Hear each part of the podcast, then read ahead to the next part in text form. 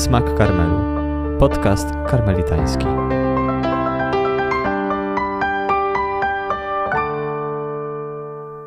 Witajcie. Kontynuujemy naszą serię o świętej Teresie od Jezusa i wracamy do tematu, od którego w zasadzie zaczęliśmy i po długiej przerwie do niego wracamy, mianowicie do życiorysu samej świętej. Jest z nami znowu siostra Lidia Wrona. Witamy.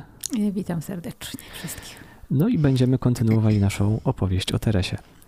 Ale zanim przejdziemy dalej do jej życiorysu, zacznijmy może od pytania, które pojawiło się w komentarzu pod naszym pierwszym odcinkiem. Pytanie brzmiało tak: Dlaczego kobiety tamtych czasów miały zakaz pogłębionej modlitwy wewnętrznej? Po czym można było wykryć, że kobieta mimo zakazu prowadzi taką pogłębioną modlitwę? I tak dalej, i tak dalej. Czy ją za to jakoś karano, jeśli wykryto, że się modli? No i przede wszystkim, dlaczego kobiety miały taki zakaz? Bardzo dziękuję za to pytanie. Rzeczywiście, ja nie wiem, czy wybrzmiało w tym naszym ostatnim odcinku, że miały zakaz. Y, być może tak. Y, niemniej jest to y, kwestia wielowątkowa. I myślę, że wykorzystamy ten moment, żeby nakreślić pewną bardzo istotną perspektywę, która posłuży nam w ogóle do zrozumienia samej Teresy. Jest ona bardzo ciekawa ponieważ pozwoli nam w jakiś sposób usadowić y, jej myśl y, i, i to przeczucie na temat modlitwy w takiej, w takiej perspektywie historycznej i y, historycznej perspektywie duchowości tamtego czasu. Otóż przedstawiciele inkwizycji i wielu teologów tamtych czasów miało ogromne wątpliwości co do praktyki modlitwy wewnętrznej z której, do której trzeba się było przyznać choćby w sakramencie pokuty, prawda? Osoba, która się modliła mm, wewnętrznie, praktykowała taką modlitwę, wiedząc, że ona jest w jakiś sposób nacenzurowanym, a zaraz powiem dlaczego, musiała się do niej przyznać. Tak było w przypadku Teresy, musiała się przyznawać do tego. Y, Teresie przyszło się y, mm, rzeczywiście przyznawać do wielu rzeczy przed różnymi spowiednikami, którzy między sobą wymieniali opinie dotyczące Teresy. Oczywiście nie mówię tutaj o sakramencie pokuty, ale o tym, żeby jeden drugiego ostrzegał przed Teresą. Ona y, musiała wiele takich sytuacji przeżyć. Otóż modlitwa wewnętrzna i głęboko wewnętrzna była nacenzurowana, ponieważ mogła prowadzić do Y, herezji albo do pewnych, do powstania pewnych fenomenów mistycznych, które y, były identyfikowane z pewnym nurtem duchowości, o którym za chwileczkę wspomnę. Oczywiście musimy się tutaj y, umiejscowić w kontekście historycznym. Mamy czasy herezji, prawda, protestanckiej. Pojawia się tutaj ruch zapoczątkowany przez Lutra.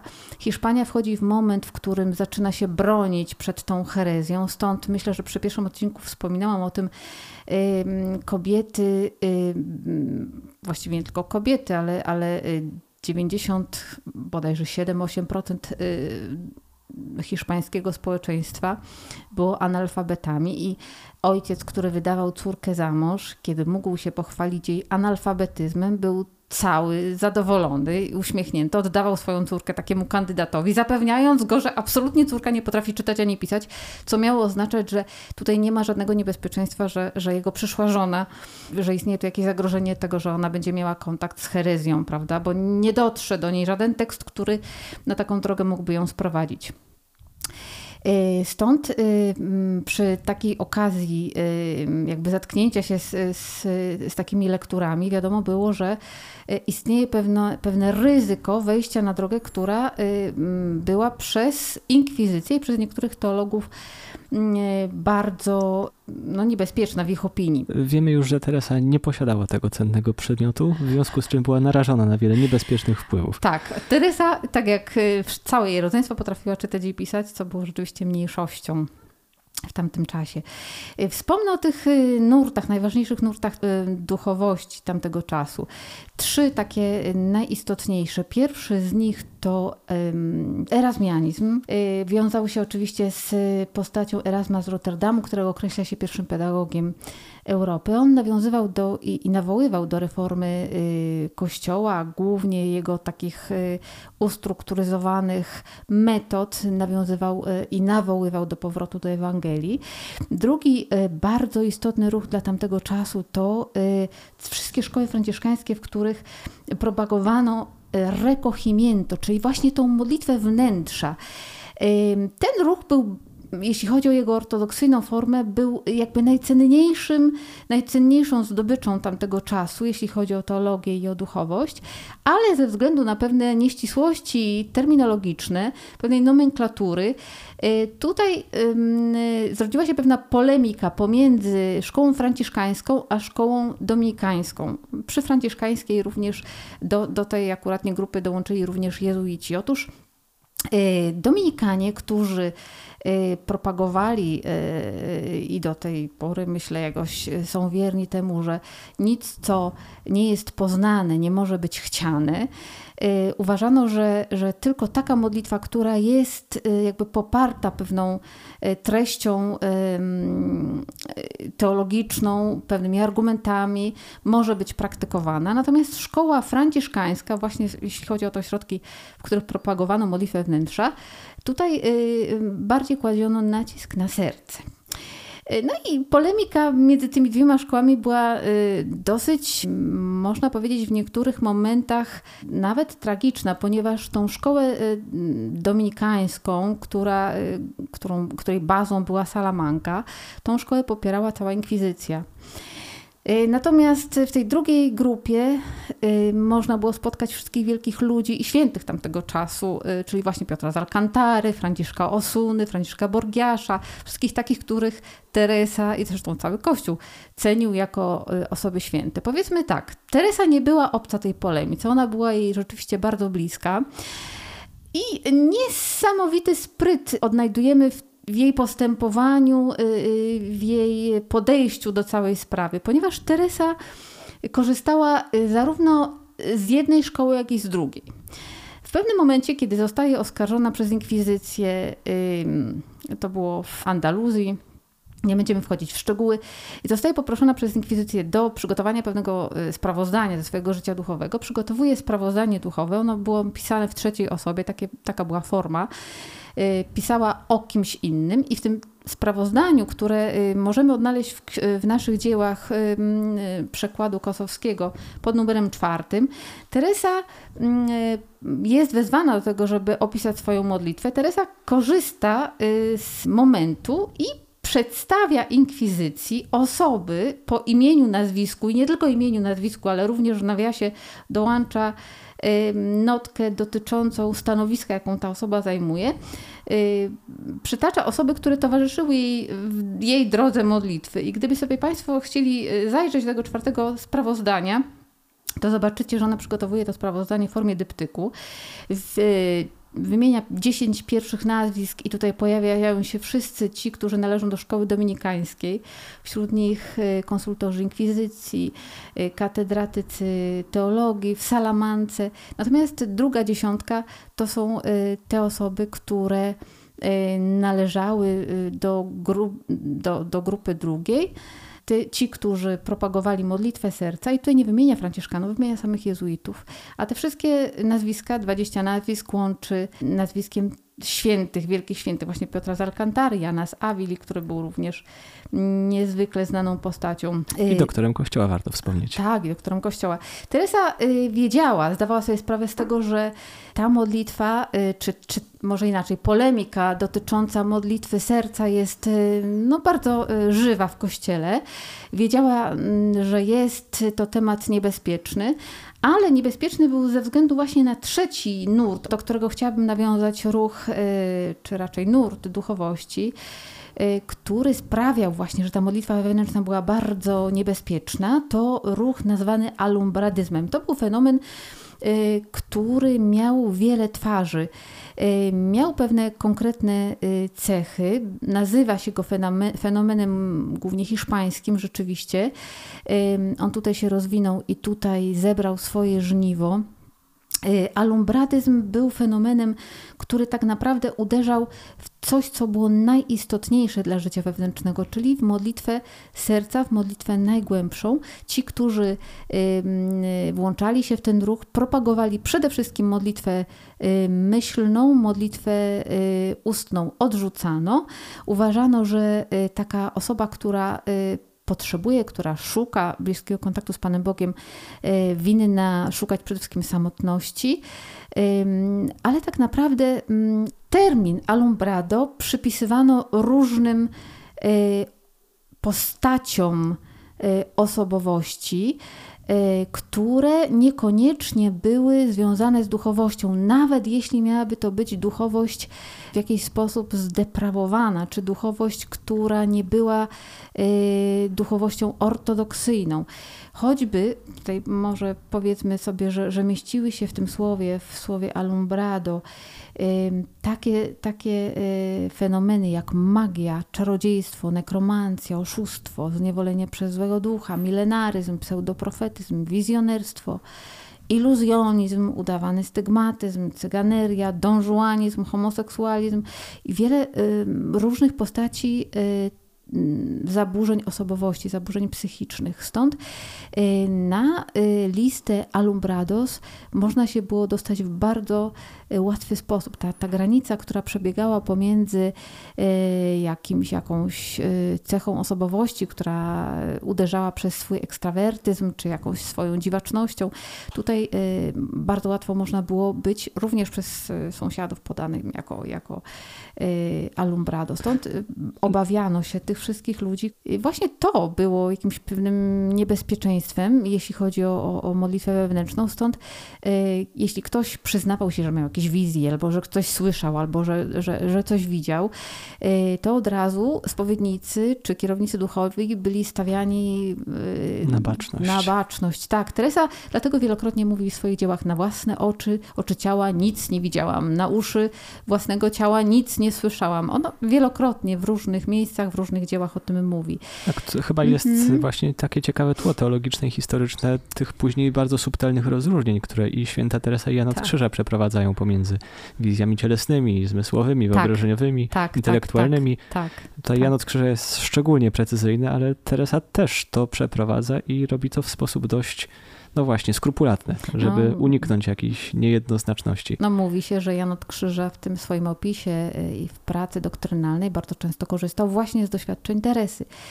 Y, wiemy, że był jej kierownikiem duchowym, wiemy, że mm, Teresa dzieliła się z nim swoimi własnymi doświadczeniami, więc y, Jan od Krzyża miał materiał, żeby móc te, tych rozróżnień dokonać. Mhm. No tak, to w żywym płomieniu miłości pojawia się ten opis przebicia serca, który w zasadzie można potraktować jako chyba opis wręcz historyczny tego doświadczenia świętej Teresy. No, mówią, że y, w tej relikwii serca u świętej Teresy jest widoczna jakaś rysa, którą właśnie identyfikują z tą łaską przebicia serca. Jedni mówią, że to zawał, inni mówią, że, że właśnie jest to ta widoczna rysa, to, to rzeczywiście jest jednoznaczne z tą łaską. No. No, w każdym razie chodzi o, tak, chodzi tak, o ten tak, poziom tak. opisu doświadczenia mistycznego tak. i te zbieżności faktycznie są duże.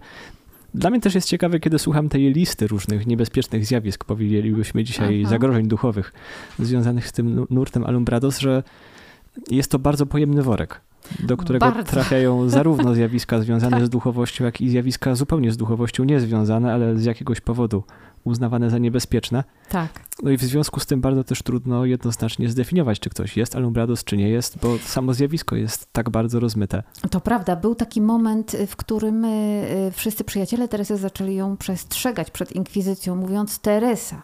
Jest taki moment y, w filmie, w którym gra Koncia Velasco, w którym Juana, przyjaciółka Teresy, sprowadza ją po schodach po którejś tam z kolei ekstazie widocznej dla całej wspólnoty, kiedy ją przestrzega i mówi Teresa, na litość boską, przecież wiesz, że to jest niebezpieczne, doniosą na ciebie do inkwizycji, prawda? Teresa mówi, no najlepszym, największym inkwizytorem, najbardziej groźnym inkwizytorem dla, dla mnie samej jestem ja sama i gdybym czuła, że jest we mnie coś, co jest dla mnie ym, powodem niepokoju, to ja sama poszłabym tych inkwizytor, inkwizytorów szukać, żeby mi wyjaśnili, co się tak naprawdę we mnie dzieje. Jest cała ta ironia, ale równocześnie prawda, w której Teresa żyła, jest dla niej pewnym, no, pewną ochroną. Pod tym względem Teresa była spokojna. Mhm. mhm. Myślę, że na tym możemy tak, tak. Mamy nadzieję, na że tak, mam nadzieję, że odpowiedziałam na pytanie. Zatem yy, jeśli chodzi o metody, to tutaj nie trzeba było większej ponad po prostu szczerość i, i no, kobiety wiedziały, że nie tylko kobiety, ale wiedziano, że, że raczej modlitwa myślna jest na cenzurowanym, więc po prostu się jej wystrzegano, bano się. Modlono się ustnie, również w klasztorach, w chórach. Siostry zakonne gromadziły się na recytowanie psalmów i to po łacinie, stąd e, taka modlitwa myślna, jak my sobie dzisiaj, prawda, wyobrażamy, że ktoś tam chodzi i, i w czasie robienia różnych rzeczy się modli e, w tym czasie. Czegoś takiego tam nie było. Kobieta nie miała takiej możliwości. Zajmowała się domem, zajmowała się dziećmi. Y, modlitwa była kojarzona raczej właśnie z tą, z tą formą pobożności ustnej, stąd mam nadzieję, że, że zostały wyjaśnione te wszystkie kwestie. Tak, więc dziękujemy za odpowiedź. Jak widać, warto zadawać pytania. Odpowiedź będzie bardzo rozbudowana i obszerna, wyczerpująca. Ale tutaj chyba czas przejść dalej do naszej historii Teresy. Ostatnio zakończyliśmy na momencie jej nawrócenia i pomysłu, żeby stworzyć coś nowego, założyć nowy klasztor. Więc może od tego zacznijmy, na czym skończyliśmy. Moment nawrócenia Teresy, w którym zmienia się jej perspektywa, zmienia się jej nastawienie, podejście do życia i do relacji z Bogiem. I później następuje kilka lat, kiedy Teresa jest tak jakby w przejściu, w takim przejściowym okresie, jeszcze w klasztorze wcielenia, jeszcze w tych starych ramach życia, ale jednocześnie kształtuje się w niej coś nowego. Mówiliśmy już o tej idei klasztoru, która się pojawia, Natomiast co zdecydowało, że Teresa no faktycznie decyduje się założyć nową wspólnotę, co było jakimś przełomem, co było czymś no też z jednej strony trudnym do przeprowadzenia, z drugiej strony ryzykownym, chociażby ze względu na te uwarunkowania związane z inkwizycją. Teresa po nawróceniu, które opowiada w dziewiątym rozdziale Księgi Życia, yy, w jej życiu rozpoczyna się rzeczywiście nowy etap – Y, o którym zaczyna mówić w 23 rozdziale. Jak sobie Państwo wejdziecie na, do 23 rozdziału Księgi Życia, to zobaczycie, że w pierwszym punkcie tego rozdziału Teresa mówi: Odtąd chcę, odtąd zaczyna się inne nowe życie, inna nowa książka. To, które żyłam, y, to którym żyłam do tej pory, y, było moim życiem. Od teraz zaczyna się inne nowe życie, inna nowa książka i różnica polegała na tym, że to Bóg żył we mnie. Tutaj następuje pewna zmiana bohatera. Y, mówiliśmy ostatnio, że Teresa, że zmienia się jej perspektywa, ona jakby zostaje y, zdegradowana w tej swojej, w tej swojej strukturze, y, schodzi z tego pierwszego miejsca, w którym to ona ona się modliła, ona była główną bohaterką życia duchowego, ona pościła, ona robiła mnóstwo rzeczy dla Pana Boga, ona próbowała sobie poradzić ze swoimi trudnościami. W tym momencie przekonała się, że y, o własnych siłach niczego nie dokona, y, składa broń. I na tym polega to rzeczywiście to, to, to nawrócenie, w którym yy, przyznaje, że, że bez Boga nie, nie da rady. W tym pomaga jej oczywiście święty Augustyn, który w tym swoim doświadczeniu, jakim dzieli się z Teresą, pokazuje, y, że nawrócenie jest tak naprawdę złożeniem broni i oddaniem siebie y, w ręce Pana Boga, żeby to On mógł tym naszym życiem się posłużyć, żeby On mógł tym naszym życiem kierować. Więc rzeczywiście Teresa przyjmuje taką, taką perspektywę, zaczyna słuchać. I powiedzmy tak, że idea reformy to nie jest coś nowego, co się pojawia w ogóle na horyzoncie Teresy. Już w XIV wieku, ja wspomniałam wcześniej o tych e, szkołach franciszkańskich, cała reforma e, została zapoczątkowana dużo wcześniej przez królów katolickich Izabela i Ferdynanda katolickich, więc Teresa rodzi się w czasie, w którym ten ruch jest bardzo żywy, bardzo obecny w Królestwie Hiszpanii. E, Filip II, który jest już potomkiem e, królów katolickich, e, narzuca tę reformę wszystkim tym zakonom, które do reformy jeszcze się nie zabrały, które do tej reformy nie podeszły. E, w tamtym czasie warto wspomnieć, że pewną obsesją narodu hiszpańskiego, tak jak honor, o którym chyba mówiłam ostatnim, w naszym ostatnim odcinku, było to, co określano terminem rigor. Y, ten rygor, czyli ta surowość, łączyła się z powrotem do początków, do, do pierwszej reguły, do pierwotnej reguły. Wszystko to, co wiązało się, co było surowe, y, y, zwiastowało czy nawiązywało do początków, które były jakby zapewnieniem, że, że wraca się do Ewangelii, do tego, co jest najistotniejsze w chrześcijaństwie. Stąd w Teresie na samym początku, jeżeli się już w ogóle pojawiła jakaś idea jakiejś nowości, to związana ona była rzeczywiście z tą surowością. O, o, tym, jak wiemy, Teresa czytała w, swoim, w swojej rozmównicy, rozmawiała ze swoimi siostrami o początkach, o, o powstaniu właściwie rodziny karmelitańskiej na Górze Karmel. A zatem mamy moment, w którym Teresa rozpoczyna nowy etap swojego życia, w którym oddaje, yy, oddaje wszystko Panu Bogu i yy, poddaje się Jego działaniu. Yy, przychodzi czas, w którym Teresa doświadcza różnego rodzaju łask. Jedną z nich, yy, przypomnę, że w 1559 roku pojawia się indeks ksiąg zakazanych, którego autorem jest wielki inkwizytor Fernando de Valdez. Teresa zostaje zmuszona do tego, żeby spalić wszystkie swoje książki duchowe, z których korzystała. Yy, rozpacza nad tym. Yy, wtedy y, po raz pierwszy słyszy słowo y, wewnętrzne. Jest to rodzaj pewnego, pewnego języka, który, w którym Teresa rozpoznaje działanie Pana Boga. Chrystus mówi jej: Nie martw się, ja ci dam książkę żywą czy inaczej nie martw się, we mnie będziesz czytać, ona zaczyna poznawać Boga troszeczkę inaczej, y, w inny sposób. Y, po tym wydarzeniu y, powolutku Teresa wchodzi w poznanie, które określamy poznaniem, terminem poznania mistycznego. Bóg sam się jej objawia, sam w jakiś sposób się do niej zbliża. Dzieje się to właśnie za pośrednictwem słów, za pośrednictwem widzeń wewnętrznych, wyobrażeniowych. I wśród tych wszystkich łask pojawia się łaska czy wizja piekła. Teresa opowiada je jeszcze w swojej księdze życia. Ta wizja napawa ją ogromnym lękiem. Widzi mnóstwo dusz, które ochrzczone, bo przez chrzest są włączone do, do kościoła, idą na zatracenie.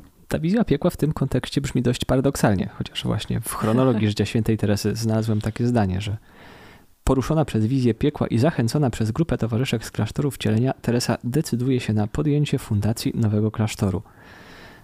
Wydaje się to dość paradoksalne, wręcz może osobliwe, że wizja tak negatywna, wizja piekła, no, jest akurat tym, co spowodowało jej decyzję, co było źródłem natchnienia do rozpoczęcia jakiegoś nowego życia.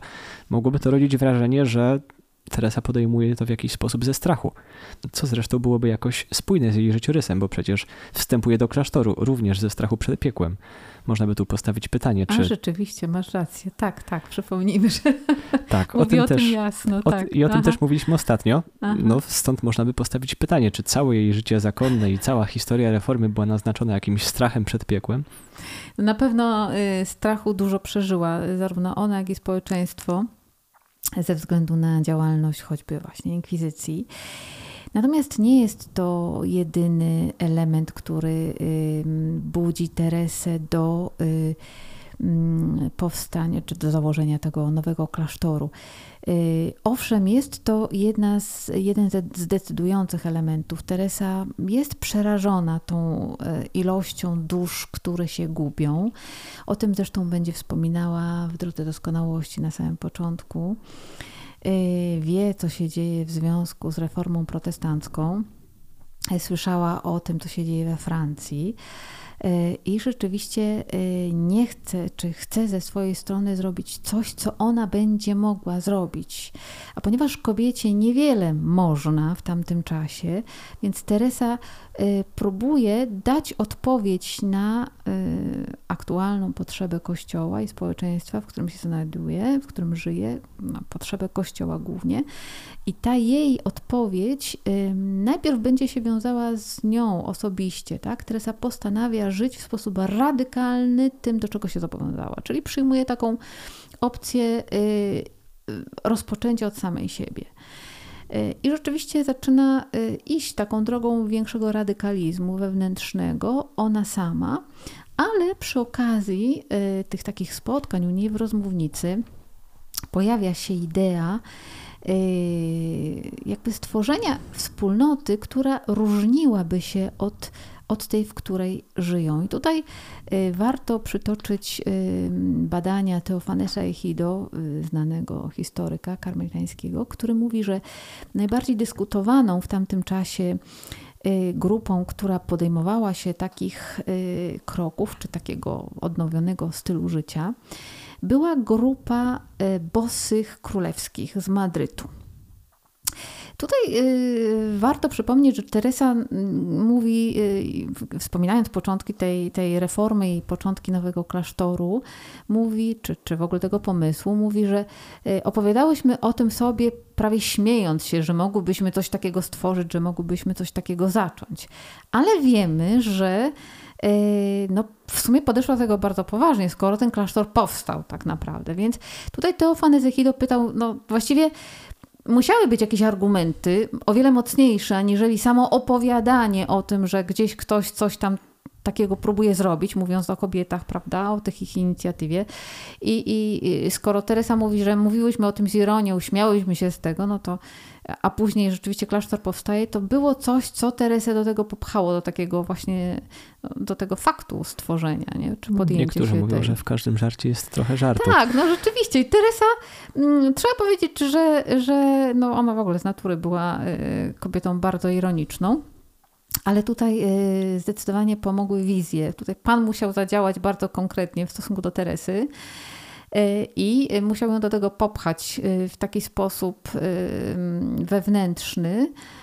Rzeczywiście Teresa podjęła się tego. I powiedzmy, że rzeczywiście na samym początku modelem dla, tych, dla tej grupy kilku kobiet, które razem z Teresą próbowały rozpocząć taką nową drogę, była ta grupa bosych y, królewskich, z tym, że mm, podkreślano przede wszystkim dwie najważniejsze cechy tej grupy. To była, i Teresa o tym mówi bardzo jasno, że była to grupa, gdzie y, żyła bardzo ograniczona ilość sióstr, coś, co różniło się, co, co kontrastowało bardzo mocno z tym klasztorem wcielenia, czyli to ich pociągało, czyli ograniczona liczba osób, a druga rzecz to, to absolutnie ścisła klauzura. Powiedzmy, że w, kla w, klasztorze wcielenia takiej klauzury nie było i ze względów przede wszystkim ekonomicznych. Jeżeli tam żyło około 200 sióstr w momencie, kiedy Teresa opuszczała klasztor wcielenia, to trzeba sobie po prostu powiedzieć jasno, że ze względów ekonomicznych utrzymanie takiego klasztoru było sprawą niesamowicie trudną, głównie dla przyoryszy. Stąd yy, yy, tak naprawdę siostry były zajęte szukaniem środków do przeżycia i bardzo często wysyłano siostry y, nie tylko po jałmużny, nie, nie tylko chodziły po mieście i szukały mm, prawda, jedzenia, ale były wysyłane właśnie na przykład do jakichś tam y, zamożnych osób, y, czy do własnych rodzin, y, gdzie mogły się po prostu najzwyczajniej w świecie najeść. Stąd Teresa, kiedy usłyszała o tym, że rodzi się, że w Madrycie powstaje taka grupa, czy powstała, została ufundowana, została ufundowana przez księżną Joannę, właściwie ta, ta propozycja bardzo jej się spodobała. Spodobała się również tym, tym kobietom, które razem z nią, tym siostrom, które razem z nią szukały yy, tej właśnie nowości, czegoś, co, czegoś co, co różniłoby ich od, od, od yy, życia w klasztorze wcielenia.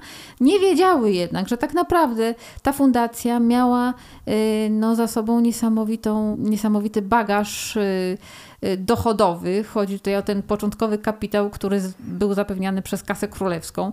Po drugie, że w tym klasztorze też y, pierwszeństwo mm, miały te y, osoby, które były związane z rodziną królewską. I po trzecie, że panowała tam bardzo ścisła wierność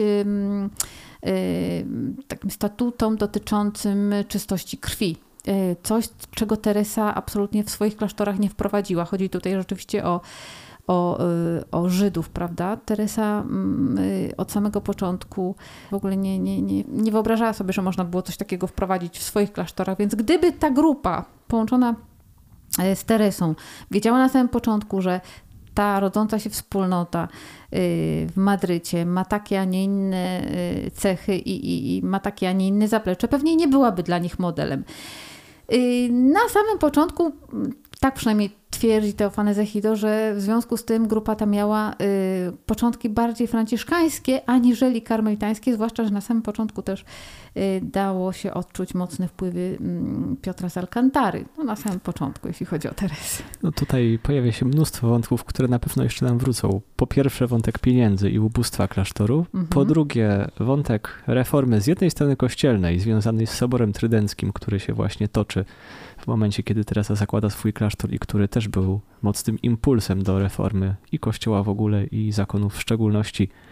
No właśnie, ten Sobór Trydencki z jednej strony, a z drugiej strony król hiszpański, który też miał swoje pomysły na reformę kościoła tak. i Teresa, która jakoś lawiruje między tymi dwoma ośrodkami władzy i wpływu. Ale zanim przejdziemy do tych wątków, pozwolę sobie zebrać te myśli, które właśnie się pojawiły. Po pierwsze, wiemy już, co Teresie nie odpowiadało w życiu w klasztorze wcielenia i na czym polegały jego trudności. Po drugie, wiemy, co wydarzyło się w życiu Teresy i co dało jej siłę, motywację, impuls do takiego właśnie działania. I po trzecie, co może wydać się jakoś zaskakujące, że sam pomysł reformy i model tej reformy nie był jakimś bardzo oryginalnym pomysłem Teresy. Mhm. No można powiedzieć, że nie odkrywa tutaj wyszła Ameryki. W ruch po prostu, tak, wyszła w ruch reformy, który, która już się toczyła tak naprawdę. Tak, na, i czerpie z rozwiązań, które już jakoś mhm. działają i są wypracowane. Tak. Tutaj pojawia mi się pytanie, na które na pewno warto odpowiedzieć. Aha. Czy Teresa zakładając swój klasztor, czy myśląc w ogóle o tym swoim wymarzonym klasztorze, w którym chciałaby mieszkać, z tym klasztorze swoich marzeń, e, czy ma na myśli reformę zakonu, czy jej myśl, perspektywa sięga tak szeroko, czy raczej chce po prostu założyć taki klasztor, w którym będzie mogła żyć według tego wzoru, który jakoś przed sobą stawia, a reforma wyszła niejako przy okazji. Mhm. E, no, bardzo ciekawe pytanie.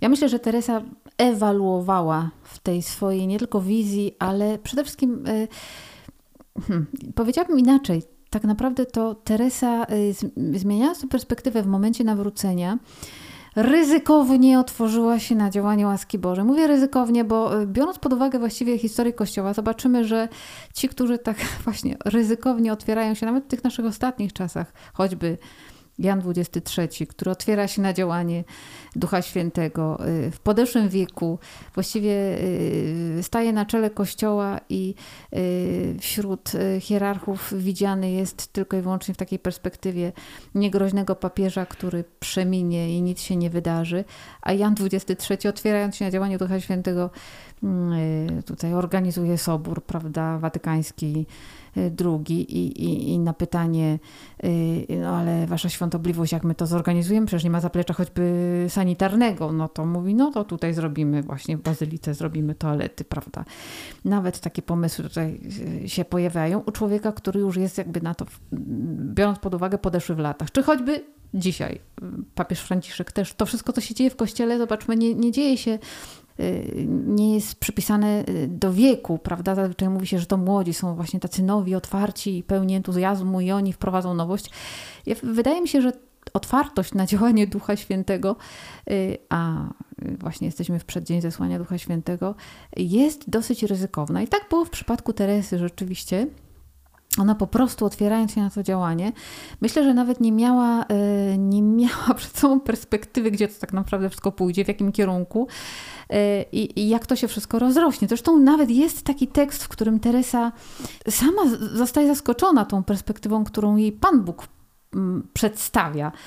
E, bo powiedzmy, że tak, rzeczywiście powstał klasztor świętego Józefa. W ogóle z powstaniem tego klasztoru, e, no, trzeba powiedzieć, że tutaj całe opowiadanie jest przesympatyczne i, i no, no, to jest, to się nadaje rzeczywiście na scenariusz filmowy.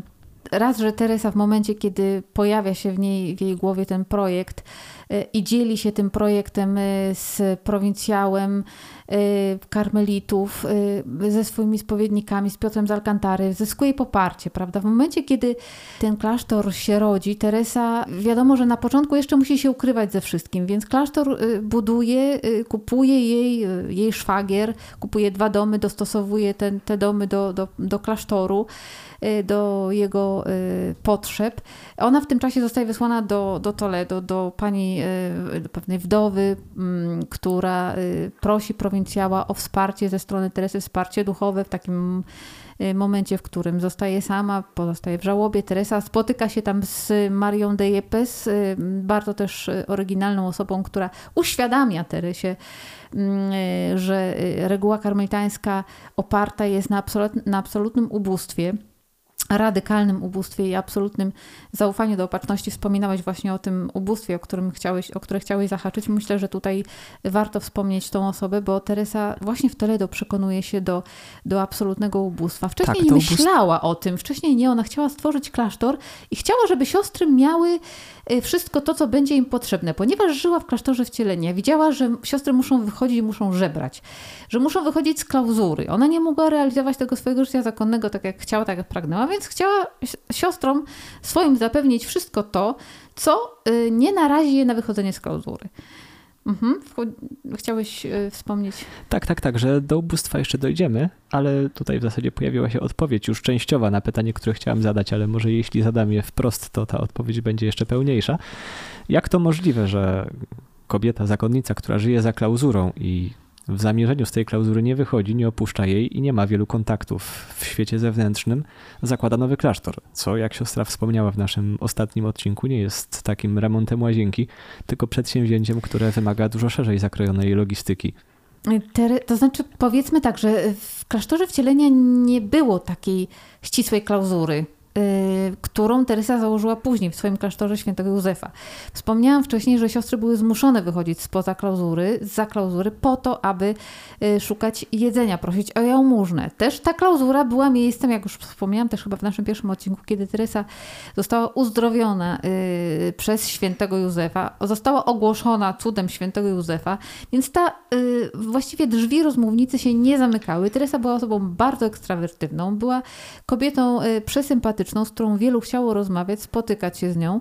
E, bardzo często do, do rozmównicy przychodzili ci, którzy mm, przynosili ze sobą mnóstwo darów dla wspólnoty. Stąd przeorysza e, cały czas prosiła Teresę, aby ona w tej rozmównicy z tymi dobrodziejami przesiadywała. Więc Teresa w pewnym momencie raz, że była zmęczona, dwa, że y, czuła, że tak naprawdę y, to życie się mija, to, to, nie, nie, to nie jest tak, jak ona sobie zaplanowała, czy tak, jakby chciała żyć, zwłaszcza już w momencie, w którym doświadczyła tego, że, że y, Bóg zaczyna ogarniać jej życie. Ona widzi, że, że ono nie wygląda tak, jakby chciała, więc zaczyna szukać sposobu, w jaki mogłaby realizować ten ideał, który się jawi przed nią i który Bóg przed nią rysuje. Stąd również to pragnienie klimatu, przestrzeni, w której ona mogłaby realizować w sposób bardziej radykalny swoje życie, y, owocuje tą właśnie wizją y, powstania nowego klasztoru mniejszego, bo tak jak już widzieliśmy, ten model madrycki mm, jawi się jako ten, w którym mamy ograniczoną liczbę osób, która też, jak dowiaduje się w Toledo, taka mała grupa osób może żyć opierając się tylko i wyłącznie na na opatrzności Bożej, bo łatwiej jest wykarmić taką małą wspólnotę, mówię wykarmić, bo tak naprawdę obowiązek dostarczenia pokarmu y, czy, czy żywności tego klasztoru spadał na miasto, w którym taki klasztor się Y, rodził, w którym powstawał. Stąd Teresa wiedziała, że tutaj akuratnie y, powstanie takiej małej wspólnoty od, od strony ekonomicznej będzie o wiele łatwiejszym przedsięwzięciem aniżeli y, no, ufundowanie klasztoru, w którym byłoby 200 sióstr razem. Ale miasto i tak nie było szczęśliwe. No nie było, rzeczywiście. Kolejny klasztor, który miało, miano utrzymywać. W momencie, kiedy rozgorzała wielka, wielki bunt tak naprawdę w, w mieście, Y, kiedy dowiedziano się o tym, że, y, że powstał kolejny klasztor, choćby właśnie w którym miało żyć tylko kilka sióstr, miasto się zbuntowało. Rada Miejska y, postanowiła nie uznać praw istnienia tego klasztoru. Zresztą myślę, że, że ciekawostką będzie mm, powiedzenie, że właśnie w 2015 roku ten klasztor zyskał zyskał, no jakby uregulowaną jego sytuację prawną w związku z y, wielką, wielkim jubileuszem narodzin świętej Teresy. Jak to mówiła Teresa, cierpliwością tak, osiągniesz tak, wszystko. Tak, właśnie cierpliwością, ale... Więc na samym początku były, y, to wszystko wyglądało, w sposób, no, wyglądało bardzo, bardzo tragicznie. Y, na samym początku klasztor, y, którego zrzekł się prowincjał, widząc jak, jak wielki bunt podniosło miasto, powiedział, że, że raczej nie będzie popierał tej inicjatywy. Zatem policzmy szable. Kogo Teresa ma za sobą w tym dziele, a kogo ma przeciwko sobie? Chyba łatwiej będzie wy, wy, wymienić tych, którzy są przeciwko. Y, zresztą jest to grupa o wiele większa liczebnie. Oczywiście przeciwko temu, tej, temu projektowi jest całe miasto, które z przerażeniem patrzy na kolejny, kolejny klasztor. Przeciwko temu projektowi jest już w tym momencie prowincjał, który na samym początku wyrażał zgodę, ale widząc cały ten bunt miasta, wątpi i przeciwstawia się temu. Przeciwko, przeciwko Teresie są również jej siostry z klasztorów cielenia, które y, no, niektóre z nich w dosyć taki złośliwy sposób wypominają Teresie, że szuka nie wiadomo czego poza, jakby jej klasztor nie wystarczał. Ale za sobą Teresa ma no, tą garstkę sióstr, idealistek, te, które razem z nią podzielają ten wielki projekt i wielkie marzenia. Ma za sobą Piotra z Alcantary, który, który jest no, wielkim reformatorem własnego zakonu i który cały czas Teresę wspiera. Ma za sobą również biskupa biskupa, który godzi się przyjąć, jakby y, przejąć władzę nad klasztorem, ponieważ y, od samego początku prowincjał jakby decyduje się, że jednak nie poprze tego projektu. Klasztor musi podlegać pod jurysdykcję czyjąś, więc przechodzi pod jurysdykcję biskupa i pod tym względem Teresa ma za sobą biskupa Avili. Na początku właściwie wszystkie klasztory Teresy były tak. pod jurysdykcją miejscowego biskupa zakon dopiero później się zaczął do tego dzieła przyznawać. Tak. No, chociaż tutaj nie byłabym taka pewna. Nie, nie, nie. Nie, ten klasztor świętego Józefa najdłużej pozostawał pod y, mm, jurysdykcją biskupa i na samym końcu dopiero został przyłączony do wszystkich klasztorów, które w momencie, kiedy Teresa dostała posłuszeństwo od generała, żeby takie klasztory zakładać, to one już były przyjmowane przez, przez zakon. Mhm. Dobrze, zatem wycofuję. No niemniej ta sytuacja, w której Teresa się znajduje, nie wygląda jakoś bardzo różowo. Wsparcie biskupa na pewno jest tak, tak znaczącym tak, tak. atutem.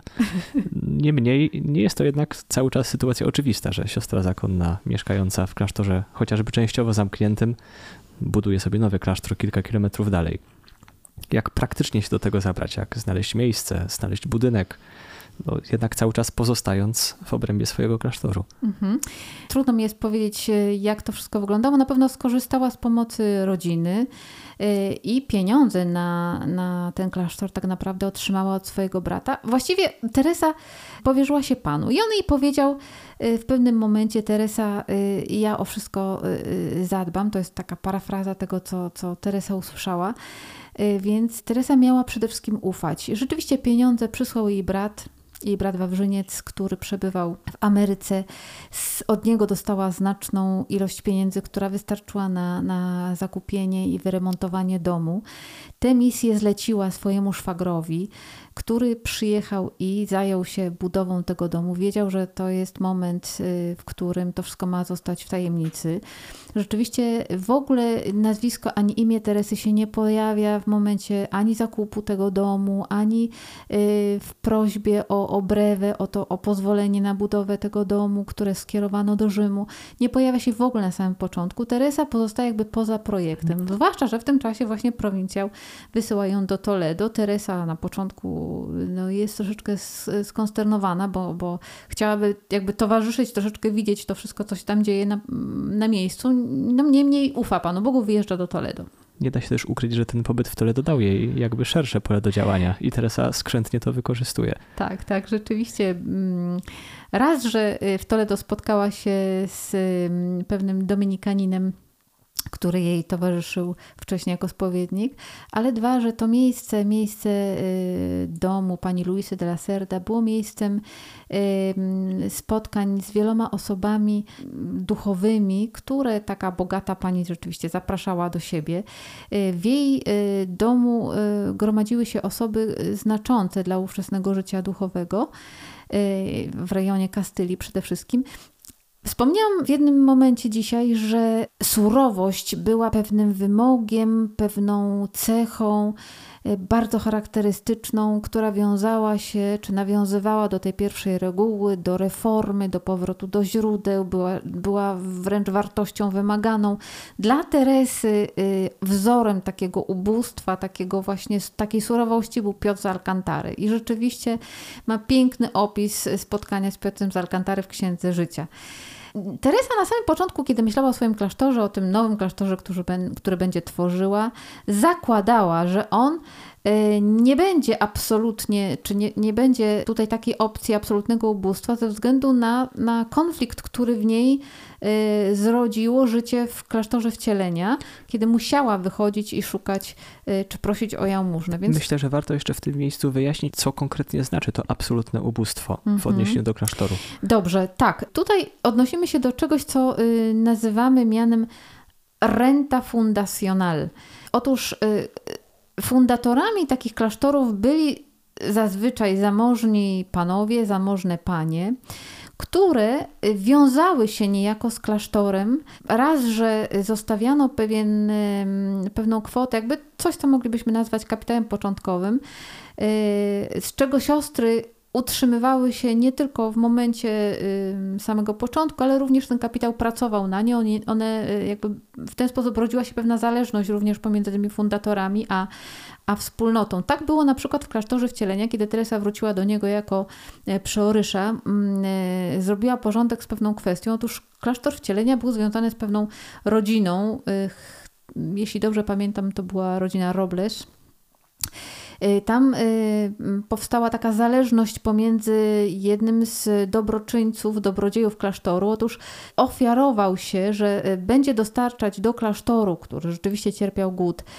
pewną określoną kwotę i pieniędzy i pewną ilość pożywienia w zamian za to, że siostry po jego śmierci będą czuwać przy jego grobie dzień i noc zapalonymi świecami. I takie y, zależności, takie umowy były wręcz podpisywane przy notariuszach, aktem notarialnym, co rodziło niesamowitą zależność i zniewolenie tak naprawdę dla wspólnoty. Teresa y, rzeczywiście zawalczyła o to, żeby klasztor uwolnić od tej zależności, co wiązało się z pewnymi konkretnymi y, ruchami, nawet y, z odniesieniem się do stolicy apostolskiej. Chciała, żeby jej klasztory były wolne od takiej zależności.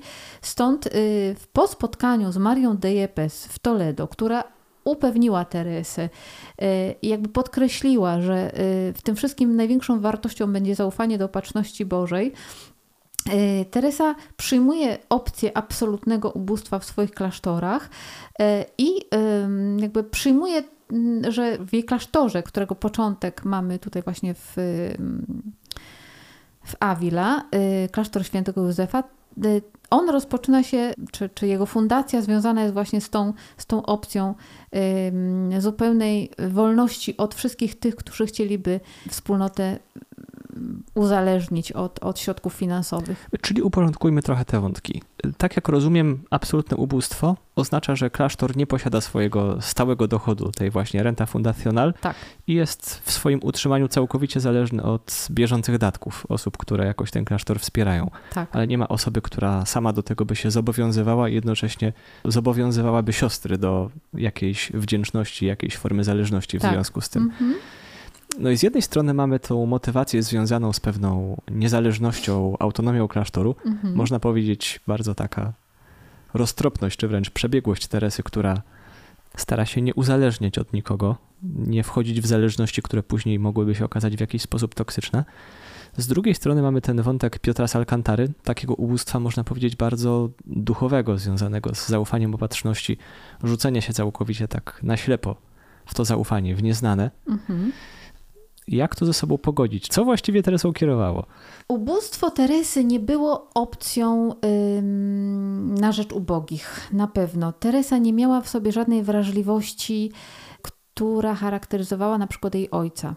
Ona y, wrażliwości na ubogich, których było mnóstwo wokół niej, y, nie miała.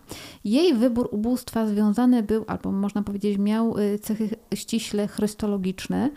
Teresa chciała być uboga tak, jak był ubogi jej oblubieniec i do tego zachęcała swoje siostry, zachęcała do absolutnego zaufania, opatrzności. Myślę, że to jest główna, główna cecha, główna charakterystyka tego wyboru.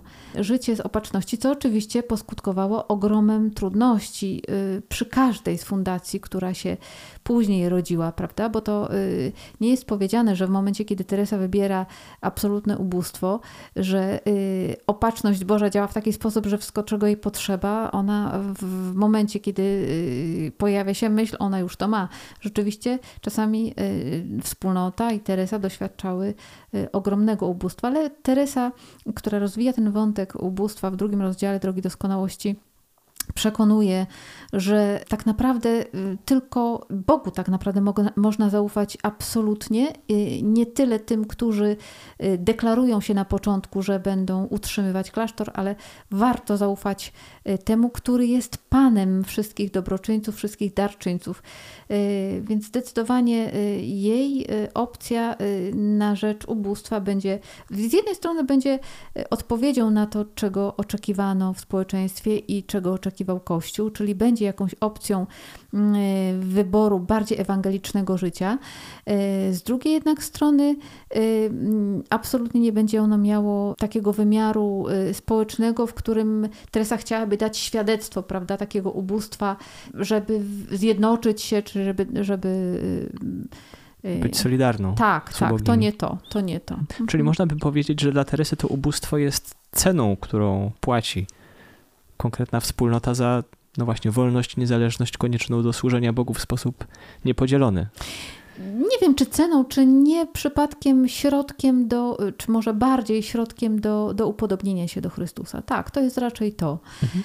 Nie, to nie jest jakaś, no być może jest to konsekwencja wyboru, tak, ale jest to środek i, i narzędzie do tego, żeby się bardziej upodabniać do, do tego, którego wybierają. Mhm. I tutaj jeszcze pojawia nam się wątek Piotra z Alcantary, mhm. który też jest postacią no, bardzo znaczącą w tych początkach dzieła Teresy. E, no i jaki jest ten stosunek Teresy do Piotra z Alcantary? Teresa w jednym ze swoich dzieł przedstawia taki dość wyrazisty, barwny obraz. tak barwny opis tak, tej tak, postaci, tak, tak, tak, który z jednej strony jest no, piękną, wręcz powiedzielibyśmy hagiograficzną laurką, którą mu wystawia, tak. z drugiej strony no, niektórzy autorzy tu się dopatrują no, nawet pewnej ironii w szczegółach, które wydają się aż przejaskrawione.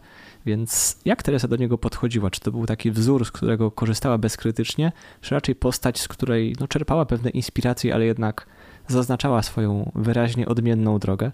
To znaczy, y, Piotr z Alcantary pojawił się w momencie, w którym Teresa przeżywała ogromne trudności wewnętrzne, ogromne trudności duchowe y, i nikt nie był w stanie jej pomóc. Ona w momencie, kiedy spotyka się z Piotrem Alcantary, z Alcantary, y, pisze, że to wszystko, co się w niej działo i nie, czego nie potrafiła nazwać, odnalazło jakby taką Mm, przyjazną przystań w spotkaniu z, z Piotrem, bo ona chyba używa takiego sformułowania, że on ją zrozumiał y, z doświadczenia. On, on miał przeżył to, co przeżywała ona, stąd ją zrozumiał. Ona odnalazła z nim y, taką y, przestrzeń spotkania na, na gruncie duchowym. Teresa została y, zrozumiana w swoim doświadczeniu.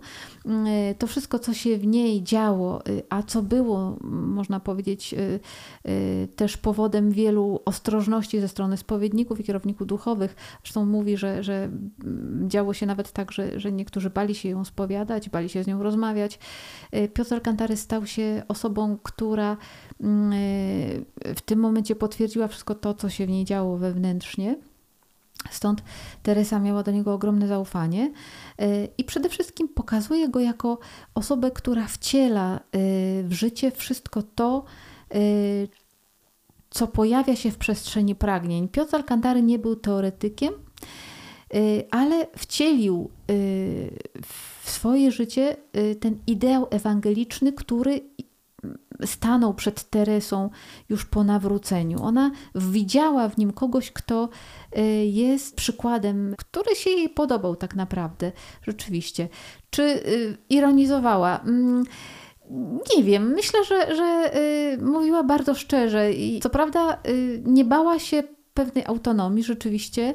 Y, tak jak wspomniałam wcześniej, te jej początki, początki klasztoru y, były bardziej franciszkańskie aniżeli karmelitańskie, ze względu również na te wpływy Piotra z Alcantary, ale później y, już poddana również kierownictwu Jana od Krzyża i, i w tym dialogu z generałem przede wszystkim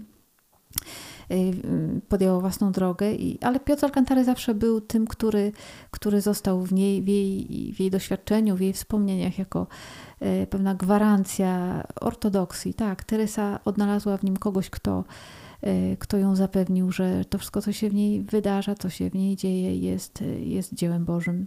Niemniej idzie własną drogą i tak, jak Tak, zaczerpnęła tak, od tak. niego pewną ideę radykalnego ubóstwa, Tak. to w formach jego praktykowania jednak wyznacza swoją ścieżkę, chociażby ta kwestia solidarności z ubogimi. Tego wątku, można powiedzieć, ubóstwa dla samego ubóstwa jest Tak. nieco inaczej rozwiązana. Tak. Więc Teresa zakłada klasztor. Wypisałem sobie tutaj takie zdanie, które wydaje mi się bardzo znamienne i dobre na podsumowanie tego okresu jej życia. Będą to, zdaje mi się, o ile dzisiaj o tym sądzić mogę, najspokojniejsze lata życia mego, za których ciszą i spokojem często potem tęskniła i tęskni dusza moja. Pomimo tych wszystkich trudności, które poprzedziły tę fundację, no jest to chyba najbardziej, można powiedzieć, idylliczny okres jej życia. Jedyny taki. Jedyny, kiedy faktycznie żyje tak, jak sobie to życie wymarzyła, Tak. tak jak chciała. Później zaczyna się historia fundacji, Mhm. do której dojdziemy, ale już nie dzisiaj. I Jest to jednocześnie okres w tym życiu Teresy takim duchowym i pisarskim bardzo płodny. To właśnie w klasztorze świętego Józefa w Avila. W tym okresie pisze pierwszą redakcję Drogi Doskonałości, swoje rozważanie o pieśni nad pieśniami, pierwsze konstytucje karmelitanek bosych, tworzy drugą edycję swojej księgi życia. Mhm. Dużo się wtedy wydarzyło, dużo dobrych rzeczy. No ale jednak nie jest to koniec, chociaż może Teresa chciałaby już się tam zatrzymać, ale tak jak siostra powiedziała, Duch Święty nie pozwala się tak łatwo zatrzymać i kiedy już mu się uchyli drzwi, to trzeba nastawić się na to, że będzie się działo. I tak jak też ostatnio powiedzieliśmy, trzeba zapiąć pasy. Tak, zdecydowanie. Na razie będziemy się zatrzymywali, hamujemy. Dziękuję za dzisiejszą rozmowę i znowuż bardzo barwną perspektywę początków pierwszego klasztoru Teresy. No a jeśli tak barwne były początki pierwszego klasztoru, to cóż dopiero będzie się działo dalej. Ale o tym przekonamy się już w następnym odcinku. Dziękuję bardzo. Była z Dziękuję nami siostra pięknie. Lidia Wrona i do usłyszenia. Dziękuję i pozdrawiam wszystkich. Smak Karmelu. Podcast karmelitański.